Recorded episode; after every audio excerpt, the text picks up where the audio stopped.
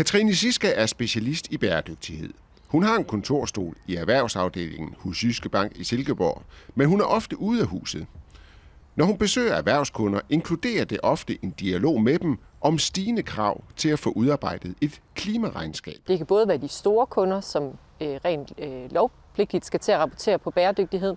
Det kan også være mindre kunder, som er leverandør til nogle af de store virksomheder, eller som er leverandør til det offentlige og bliver mødt med nogle krav omkring det her.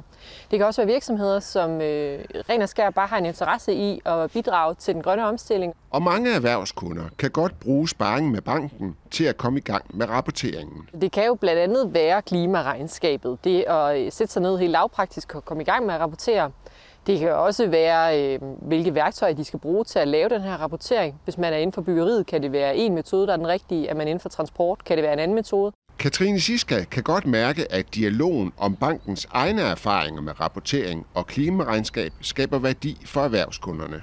For når der bliver stillet større krav til de store firmaer, så smitter det af på de krav, som de store stiller til de små. Det er generelt også øh, nu her, at de mindre virksomheder mærker, at de store virksomheder skal til at lave bæredygtighedsrapportering, og de mærker, at nu bliver der stillet nogle krav til dem. Det kommer tæt på nu. Det er 2024, de store virksomheder skal rapportere fra, og det er lige om lidt.